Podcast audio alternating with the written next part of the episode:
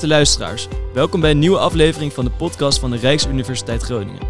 We bespreken vandaag de studie Chemical Engineering, oftewel scheikundige technologie.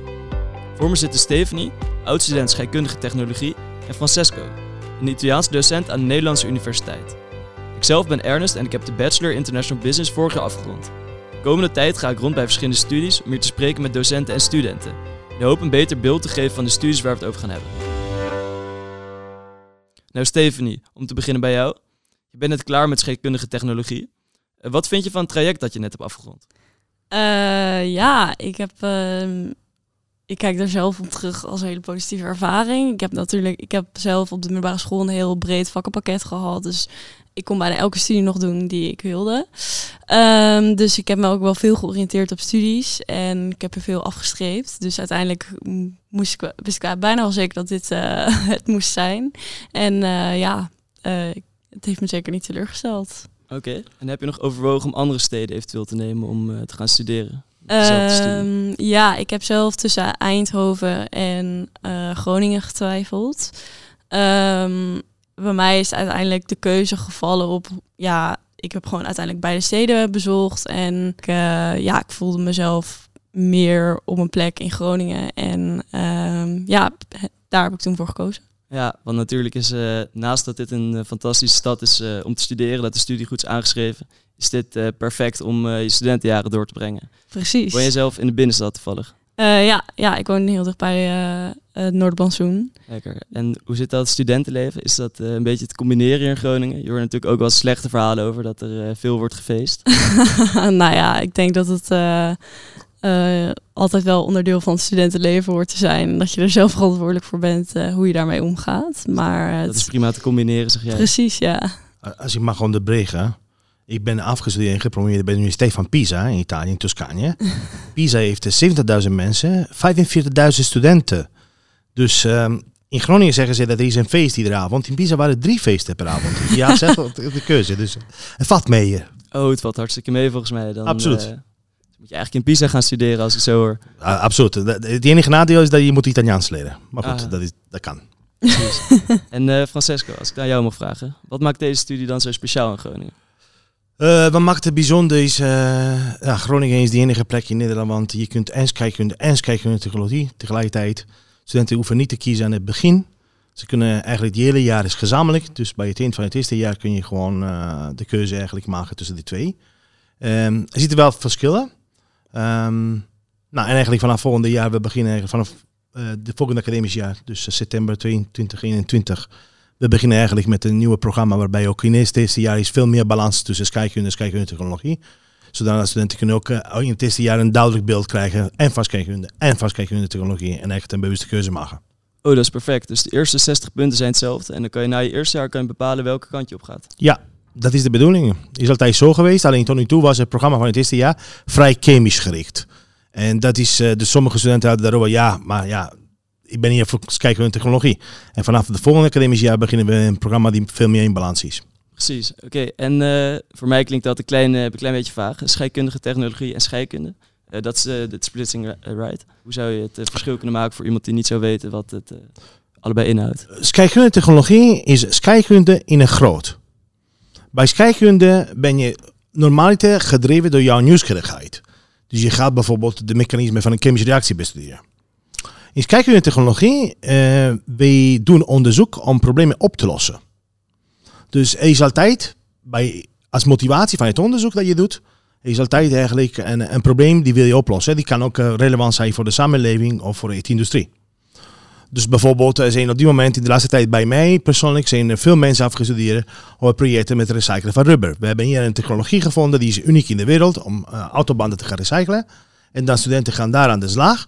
Wetende dat als ze goed doen, uh, dat de kans is dat uh, misschien kunnen binnenkort um, zouden in een eigenlijk een product gemaakt op basis van gerecyclede autobanden. Die nergens anders in de wereld kan gedaan worden. Kan gemaakt worden. Dus dat, dat is voornamelijk de, de, een grote verschil. Oké, en uh, Stephanie, uh, als jij nou een paar delen zou moeten aanduiden van deze studie die je het leukst vond in de eerste jaren, wat, wat zou je dan Mijn, mijn vak moet daarbij, hè? anders spreek je op voor nee. grap je?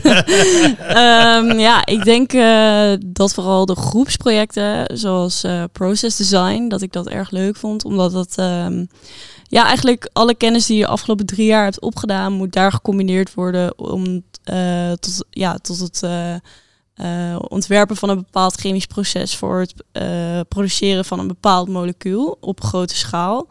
En eh, ja, dat is toch wel een beetje wat je voor je hebt als je dit gaat studeren. Dus het is erg leuk om dat dan te gaan doen en dat ook in groepsverband te doen. Want ja, dat is ook een werkvorm die je later veel zal tegenkomen in industrie.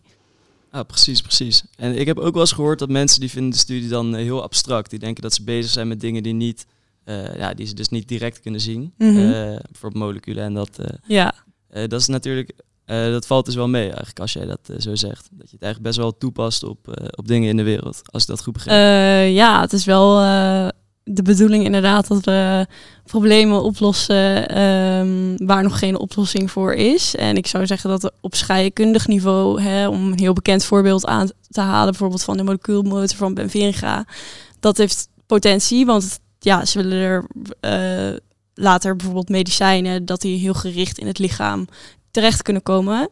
Ehm, dat is natuurlijk een hele mooie uitvinding, maar echte toepassing hebben we daar, zeg maar, we kunnen het nog niet gebruiken. En dat is denk ik waar meer scheikundige technologen ehm, in actie komen, dat jij daarvoor gaat zorgen dat dat, dat, dat ja, gerealiseerd kan gaan worden op grote schaal. Ja, oké, oké, goed. Dus dat het echt aan de man komt inderdaad. Dat, eh, Precies. Oké, perfect. Dat klinkt wel heel interessant inderdaad. Als je daar kan bijdragen met je studie, zou dat eh, perfect zijn. Eh, en verder, van, van de mensen die de bachelor chemical engineering afronden, ehm, hoeveel procent daarvan gaat ongeveer de master doen? Of zijn er andere keuzes waar mensen heel veel voor gaan? In andere steden eventueel? Of? Ehm, nou, procentueel zou ik dat eigenlijk niet weten, maar ik weet wel dat er heel veel mensen zijn die sowieso de master gaan doen. Ehm, dan heb je ook nog de keuze om bijvoorbeeld een meer onderwijsgerelateerde master te gaan doen. Dus als je bijvoorbeeld graag docent zou willen worden. Verder, ja, wat voor mogelijkheden zijn eigenlijk meer, Francesco? Nou, kijk, toev- toevallig ben ik de directeur van de bachelor. eh, dus ik weet die, die cijfers uit mijn hoofd. Ehm, tot en met eh, vorig jaar ongeveer 80% van de 75, 80% van de studenten die, die lopen bachelor in Groningen, die blijven gewoon in Groningen. Eh, van die 75, 80% gaat een stukje of 10, 15% maximaal ieder jaar naar andere masters in Groningen. Er zijn mensen bijvoorbeeld die gaan naar de master in Industrial Engineering Management.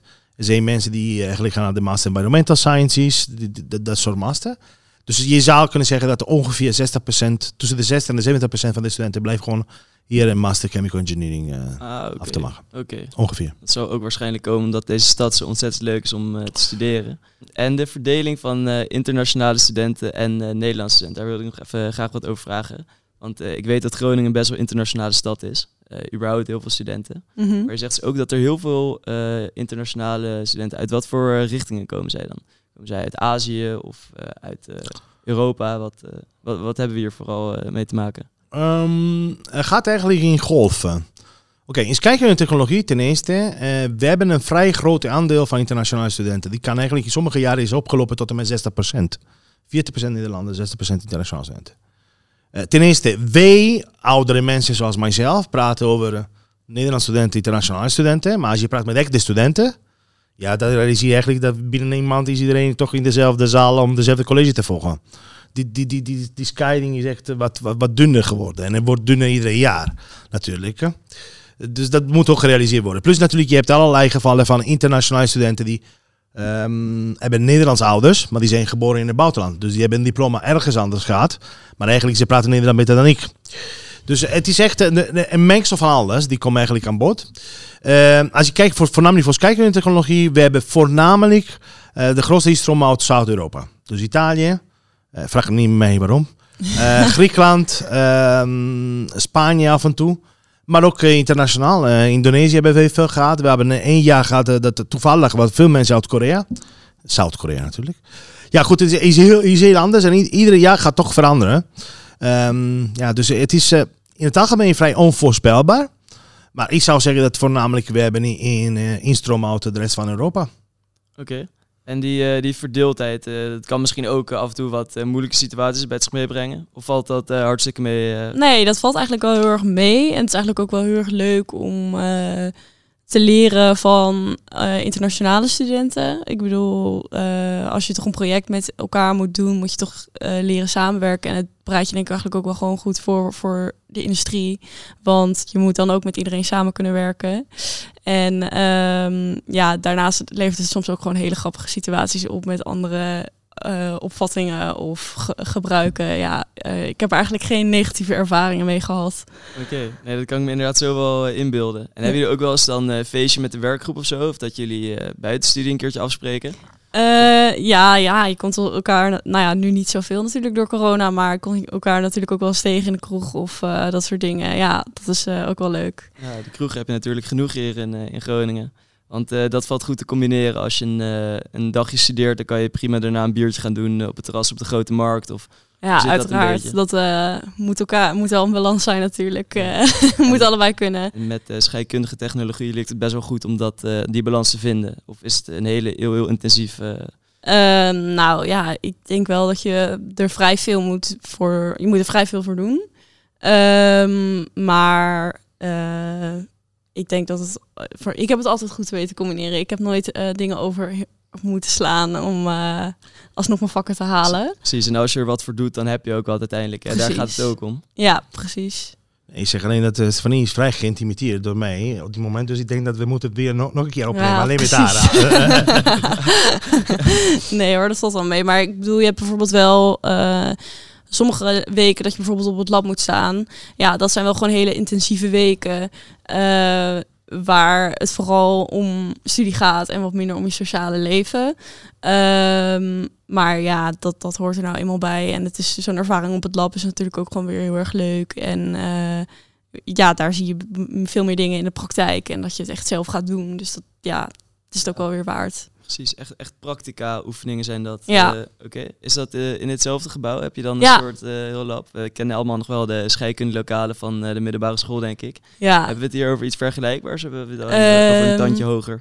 Ja, nou, je kunt er wel nog een stuk meer inderdaad. En iedereen, ja, het, we hebben het dan over laboratoria waar iedereen zijn eigen zuurkast heeft. En ehm, ja, je gaat dan een stuk of negen experimenten doen, volgens mij.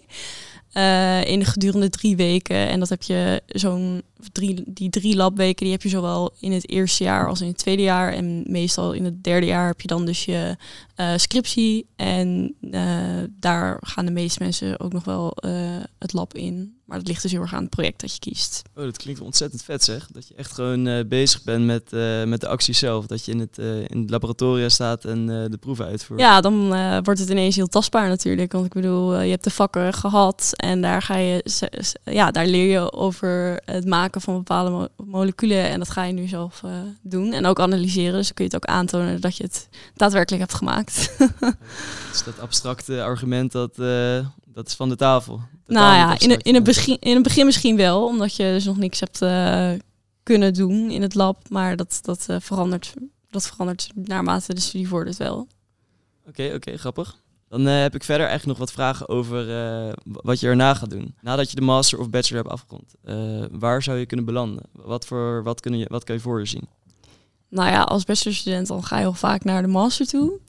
Ehm, en tijdens je master ehm, eh, ja, heb je v- vrij veel projecten waarin je dus best wel veel keuzevrijheid hebt op de, ehm, met de onderwerpen die, je waar je over je project kunt doen.